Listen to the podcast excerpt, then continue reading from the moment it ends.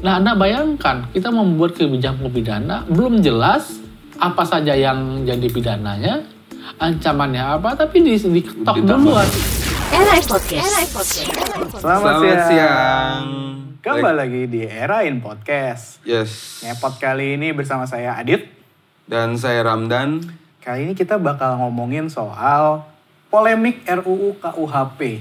RUU KUHP yang ngawur. Banyak orang yang bilang Ngawur, banyak ngawur. Tapi kita kan nggak tahu nih. Background kuliah lu kan nggak ada dasarnya nih. Yes. saya juga nggak tahu.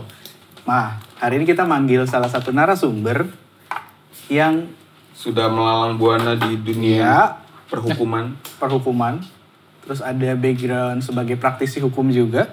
Yoi.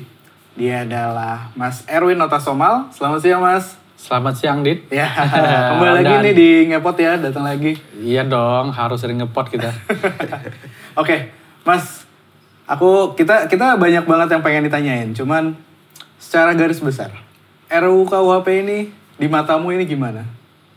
Yang pertama, RUU KUHP baru penting. Kita harus katakan itu penting. Problemnya memang upaya untuk membedah atau mensosialisasi ide ini masih terbatas atau apa namanya kurang partisipatif.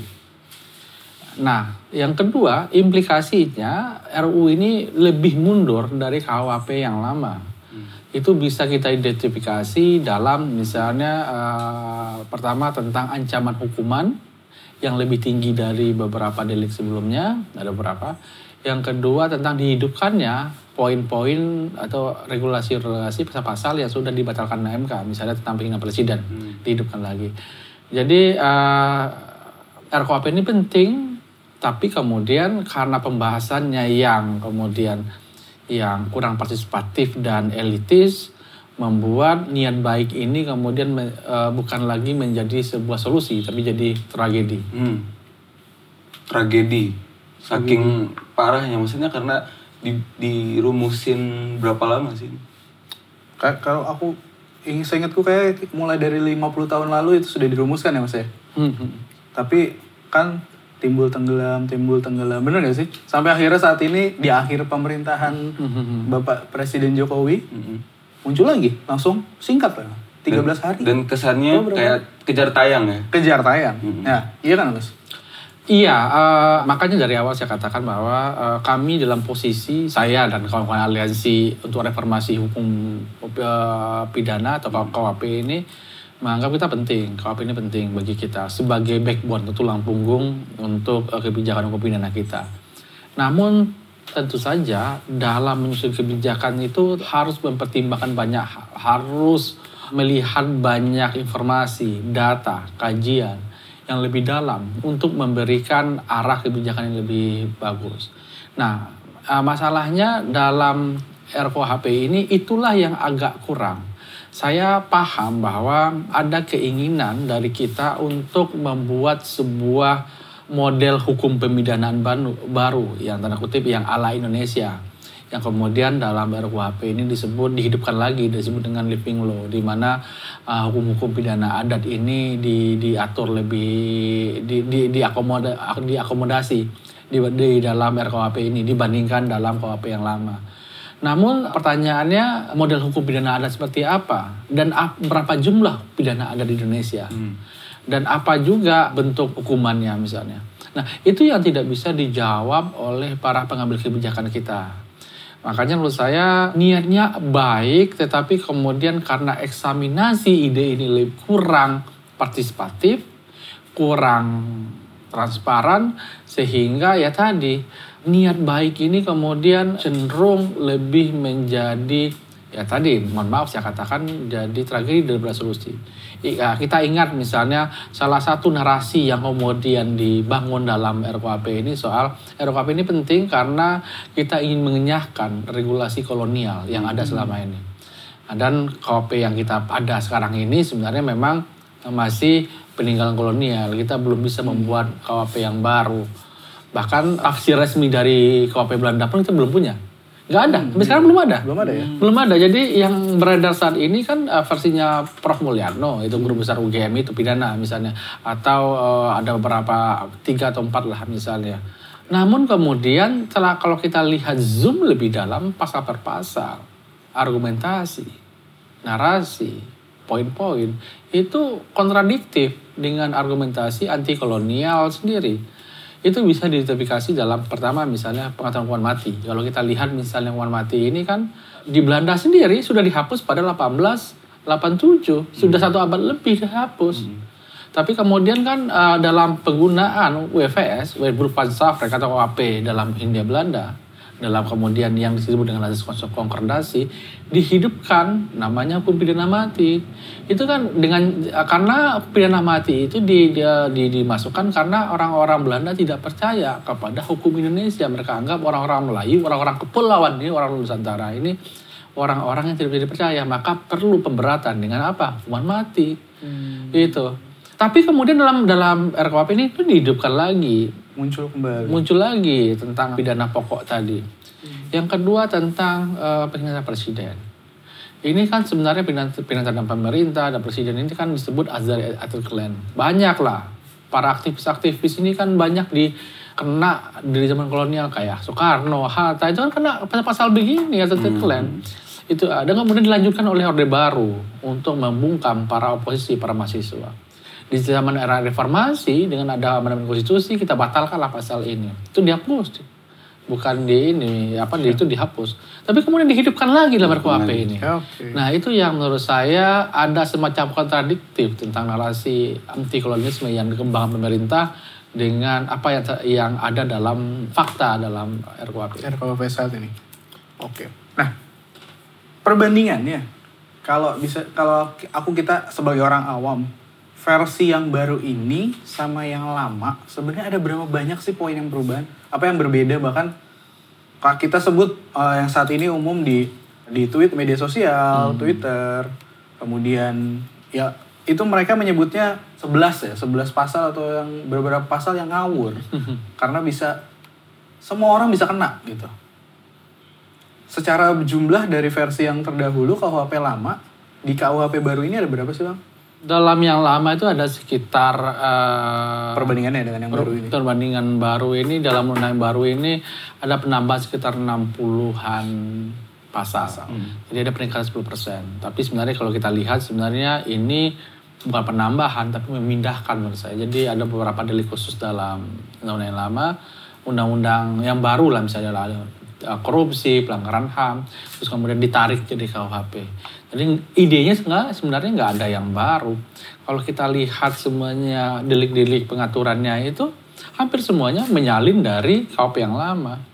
Yang barunya cuma bang bungkus itu aja baru dibuat oleh orang Indonesia tapi idenya nggak baru sebenarnya itu satu hal idenya nggak idenya sama sekali nggak baru yang kedua eh, memang eh, kalau dulu kan dalam KUHP Belanda itu kan ada tiga buku kan buku pertama Yes. aturan umum Aturan yang kedua umum. kejahatan yang Iya. kedua Pelanggaran. tentang pelanggaran nah, ini kan pelanggaran dihapus lagi dihapus jadi cuma ada dua buku buku itu dan buku dua yang ketiga perbedaannya tentang azas ini yang masih polemik juga misalnya ketika buku itu kan tentang aturan umum azas-azas hukum pidana dia tulis sana yang sangat penting itu soal azas legal- legalitas kepastian hukum karena kalau nggak ada kepastian hukum warga negara itu terancam untuk masuk penjara. Karena prinsip salah satu prinsip utama dari hukum pidana itu ya soal azas uh, legalitas kepastian hukum. Jadi ancaman kriminalisasi Iya, ancamannya makin membesar dengan ada RUHP ini dengan menggunakan argumentasi living law. Kita sepakat memang ada dalam dalam hal-hal tertentu living law itu ada hukum kita punya namanya hukum adat, ada hukum Islam, ada hukum nasional. Jadi sebenarnya da- dal- dalam praktiknya ada konsesasi antara hukum negara, eh, terus kemudian hukum adat dan hukum Islam di Indonesia. Tapi kemudian living law tadi eh, itu mencoba mengsubordinasikan, bukan memasukkan, mengasopsi hukum adat dalam hukum negara. Which is sebenarnya kalau kita lihat lebih dalam filosofinya itu kan saling bertabrakan. Nah hukum adat itu sifatnya kan sangat elastis, elastis dan berkembang sesuai dengan zaman misalnya. Namun hukum pidana ini kan enggak, pidana barat ini misalnya hukum Eropa modern kita kan sangat strict sekali. Nah, itulah yang coba digabungkan oleh para tim promosi ini. Nah, yang sebenarnya tidak bisa digabungkan, tidak bisa. Tidak bisa dileburkan sama Tidak bis- bisa disebutkan sama sekali, itu saling menegasikan. Kenapa tuh mas? Nggak bisa di... Ah, yang pertama karena azasnya itu sudah berbeda filosofi pikirnya. Yang satu itu mengarahkan pada kepastian hukum, yang satu lagi mengarahkan kepada harmonisasi masyarakat, komandat kan. Nah harmonisasi ini kan nggak ada ukurannya. Nah problemnya kemudian dalam RKUHP ini dipaksakan ada. Oke, eh, negara mengarsopsi tentang living law, hukum yang hidup dalam masyarakat, tetapi kemudian ya tadi kita tanya apa-apa saja jumlah pidana adat. Nah, ya baru ter- teridentifikasi ada 300-an misalnya. Itu pun bisa bertambah 500-an. Nah, Anda bayangkan kita membuat kebijakan pidana belum jelas apa saja yang jadi pidananya, ancamannya apa, tapi di, diketok Ditambah duluan, di, diketok duluan, disahkan duluan dengan argumentasi anti kolonial. Dan Anda bayangkan nanti implikasi pemidanaannya di, di nanti di, di, di masyarakat akan banyak sekali orang-orang yang akan dipidana. Karena ya tadi, eh, karena dihidupkan lagi tentang pidana adat.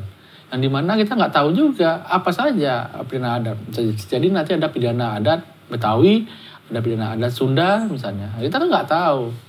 Idenya menarik, tapi sebenarnya kalau kita eh, renungkan lebih dalam, misalnya itu agak melebar dari asas kemanfaatan dan kepastian hukum yang coba kita bangun.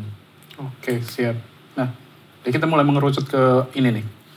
Di media sosial itu banyak, kita dengan media sosial, mereka menyatakan, menginterpretasikan atau menerjemahkan beberapa pasal yang ngawur di dalam RKUHP ini. Mereka men- mengatakan kalau negara ini terlalu jauh menggunakan hukum pidana untuk masuk ke Nah, ranah privat. privat. Mhm. Bahkan beberapa pasalnya sendiri atau beberapa poin, sorry aku beberapa poinnya sendiri itu agak bersinggungan dengan kehidupan masyarakat yang sa- saat ini gitu. Dia bisa mengenai apa? gelandangan, terus bisa ngenain perempuan yang pulang malam, Mhm. terus dia juga bisa mengenai buffalo gathering. Mm-mm. Kita sebutnya buffalo gathering mas, bahasa Inggris dari kumpul kebo. Oh, yes. Oke, yes. itu semuanya kalau diadukan, itu semua orang itu bisa jadi kena pidana semua. Iya, iya. Jadi eh, salah satu problem dari hukum pidana kita sebenarnya acak adutnya prinsip-prinsip yang digunakan. Apakah nanti akan menggunakan prinsip universal tadi atau kemudian eh, prinsip-prinsip hukum Indonesia yang di mana masih dalam pencarian misalnya. Sehingga kemudian RKUHP ini jauh masuk ke dalam ranah privat. Jadi RKUHP ini tidak hanya mengatur soal melarang tentang perbuatan zina yang dilakukan oleh orang yang terikat perkawinan, tapi yang tidak terikat perkawinan ini dimasukkan juga. Nah, menurut saya aku tidak tahu ukurannya apa. Tapi kalau kita lihat eh, narasi yang berkembang, misalnya fraksi-fraksi yang menyatakan itu lebih didorong oleh kelompok-kelompok Islam sendiri misalnya. Yang eh, menurut saya orang-orang ini perlu lebih dalam deh pelajari tentang eh, bagaimana sistem peradilan kita. Jadi jangan hanya soal substansi hukum, tapi juga soal hukum formalnya, bagaimana cara pembuktiannya, bagaimana soal masih rapuhnya sistem peradilan kita sehingga kemudian jika kita hubungkan dengan eh, kebijakan lebih luas misalnya lebih luas itu soal overcrowding. Jadi problem Indonesia salah satunya kan soal overcrowding lapas. Jadi orang ter- terlalu banyak sekali banyak. orang yang lain. Namun kemudian kalau kita lihat dalam khususnya dan dihubungkan dengan delik kesusilaan ini, itu kan saling bertentangan. Bayangkan orang yang berhubungan misalnya eh, berhubungan dengan karena bukan terkait perkawinan pun bisa dipidana.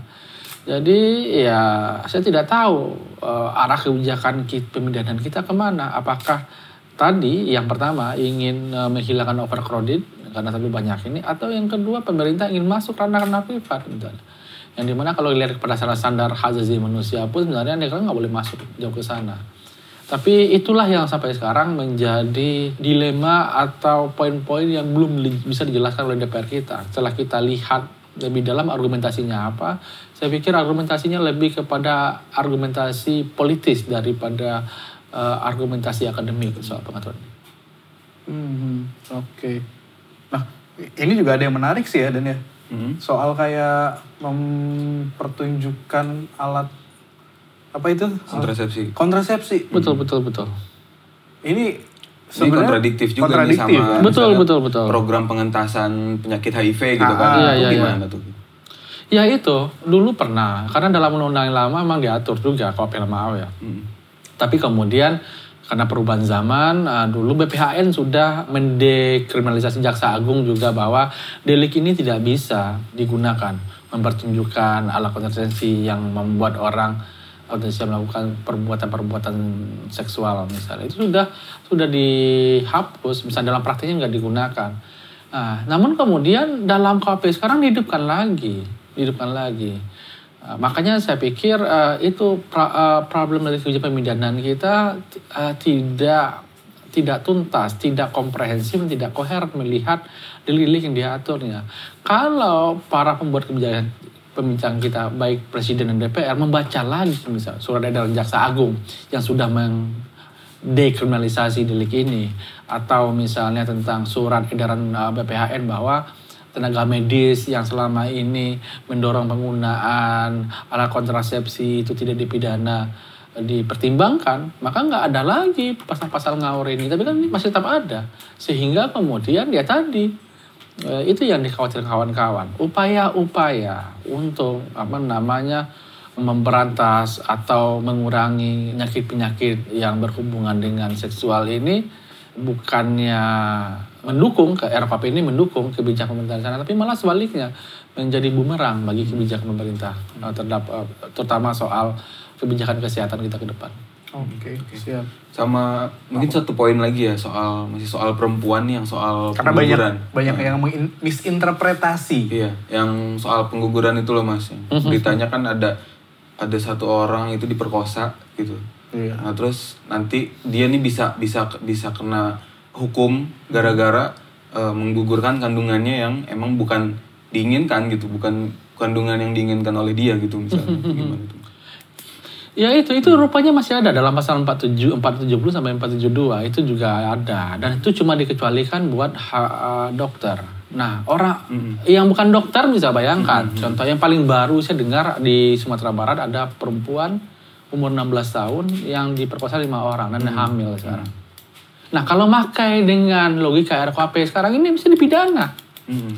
Karena yang terbebas dari pidana itu cuma hak dokternya, dokter orang dokter yang mau aborsi karena itu kan sebagai tindakan profesi. Iya. Tapi orang yang menggugurkan kandungan pun bisa kena. Mm. Nah itu nih yang menurut saya menjadi kontradiktif. Apanya yang baru dalam reformasi apa dalam RKUHP ini? Narasi yang mengatakan ini sebagai kebijakan yang reformatif, kebijakan anti kolonial. Apanya yang baru? Apa yang reformatif? Apanya yang anti kolonial? Jika dalam hal-hal begini perspektifnya masih bias gender. Nah bayangkan korban loh ini yang menggugurkan yang kandungan itu bisa dipidana. Nah itu yang menurut saya perlu dikaji lebih dalam. Saya pikir makanya kebijakan presiden yang meminta bukan kami tidak menolak, tapi menunda dulu, tidak mengesahkan, menunda dulu untuk dikaji lagi berapa pasal-pasal yang yang kata Ramdan katakan tadi yang yang problematik seperti soal penguburan, kata Adit itu soal apa namanya hubungan seksual eh, yang di luar pernikahan. itu Big Gathering. apa namanya? Buffalo Gathering. Buffalo kebo. Iya. Itu perlu di- dipertimbangkan lagi. Ya, jadi kebijakan-kebijakan di sana sehingga kemudian negara ini eh, memperlihatkan wajah yang demokratis lah, bukan lagi wajah represif. Kalau kita lihat dengan rancangan RKUHP ini terlihat sekali posisi negara ini seperti eh, negara menjadi alat represif, bukan lagi sebagai alat yang Melindungi demokratis, melindungi. Melindungi. Siap. It- ini mas sebenarnya masih panjang sih ya kan. Hmm, hmm. Keren banget. Cuma tergantung durasi. durasi. Karena kalau dibahas satu-satu ya nggak bakal kelar. Nggak bakal kelar. hari. Betul, betul. Berapa lama kalau kita ngebahas satu-satu perkiraan? Oh, lama sekali. Makanya apa, Mungkin, apa namanya? Eh, eh, kita makanya bisa merujuk ke rapat di DPR 13 hari. Tapi di hotel ya? Eh, di hotel. Oh, eh, para ahli saja perlu saya katakan perlu pul- puluhan tahun untuk membahas satu pasal yang berapa hal lain karena makin kompleksnya banyaknya relasi antara warga negara dan negara yang harus diatur. Contoh, jadi tidak hanya soal kelaminan atau kesusilaan, tetapi juga soal hal-hal lainnya. Yang problematik itu soal soal penghinaan agama. Misalnya kita sepakat bahwa eh, itu sangat multitafsir, tapi kemudian dihidupkan lagi pemerintah. Padahal ada korbannya Ahok misalnya. Ahok adalah kan korban dari delik penghinaan terhadap agama yang sangat multitafsir. Tapi kemudian eh, dalam RUKP ini masih dipertahankan gitu. Jadi kami heran juga dengan kebijakan pemerintah sekarang ini mau arahnya ke mana sih sebenarnya. Tapi eh, posisi saya begini, kita memang perlu RUKP, kita perlu sebuah KWP yang diproduksi oleh an- bangsa ini sendiri. Tetapi tentu saja proses-prosesnya harus demokratis, partisipatif, dan transparan tidak kucing-kucingan kalau Pak Adi tadi kan dari hotel ke hotel aja misalnya sehingga kemudian ha, karena proses yang elitis menghasilkan ya solusi yang juga elitis yang jauh antara api dan panggang jauh dari keinginan masyarakat yang Iya. melihat problemnya dengan apa yang dipandang oleh para ahli tersebut. Siap. Oke. Closing statement yang keren. Jadi gitu aja obrolan kita podcast hari ini. Ya, Terima iya. kasih Mas Erwin. Terima Iya. kasih Mas Udah Erwin. mau membrainstorming kita Hati-hati ya buffalo gatheringnya ya. Buffalo Gathering. Daripada kita pakai bahasa hukum, Oke. kohabitasi, kita pakai Buffalo Gathering. Siap, oke. Terima kasih Terima Mas kasih. Erwin. Sama-sama Eh, Pak Adi. Saya Adit. Dan saya Ramdan. Sampai jumpa lagi di Ngepot Erain Podcast selanjutnya. Era Podcast. Era Podcast.